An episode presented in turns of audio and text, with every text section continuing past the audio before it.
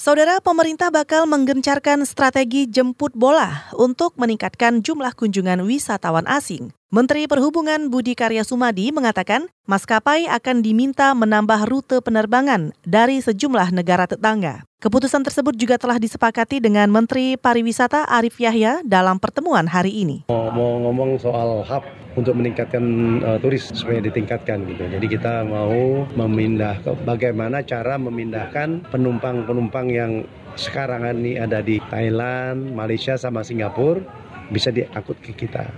Caranya dua, caranya meneruskan penerbangan yang dari internasional, itu saya sangat setuju.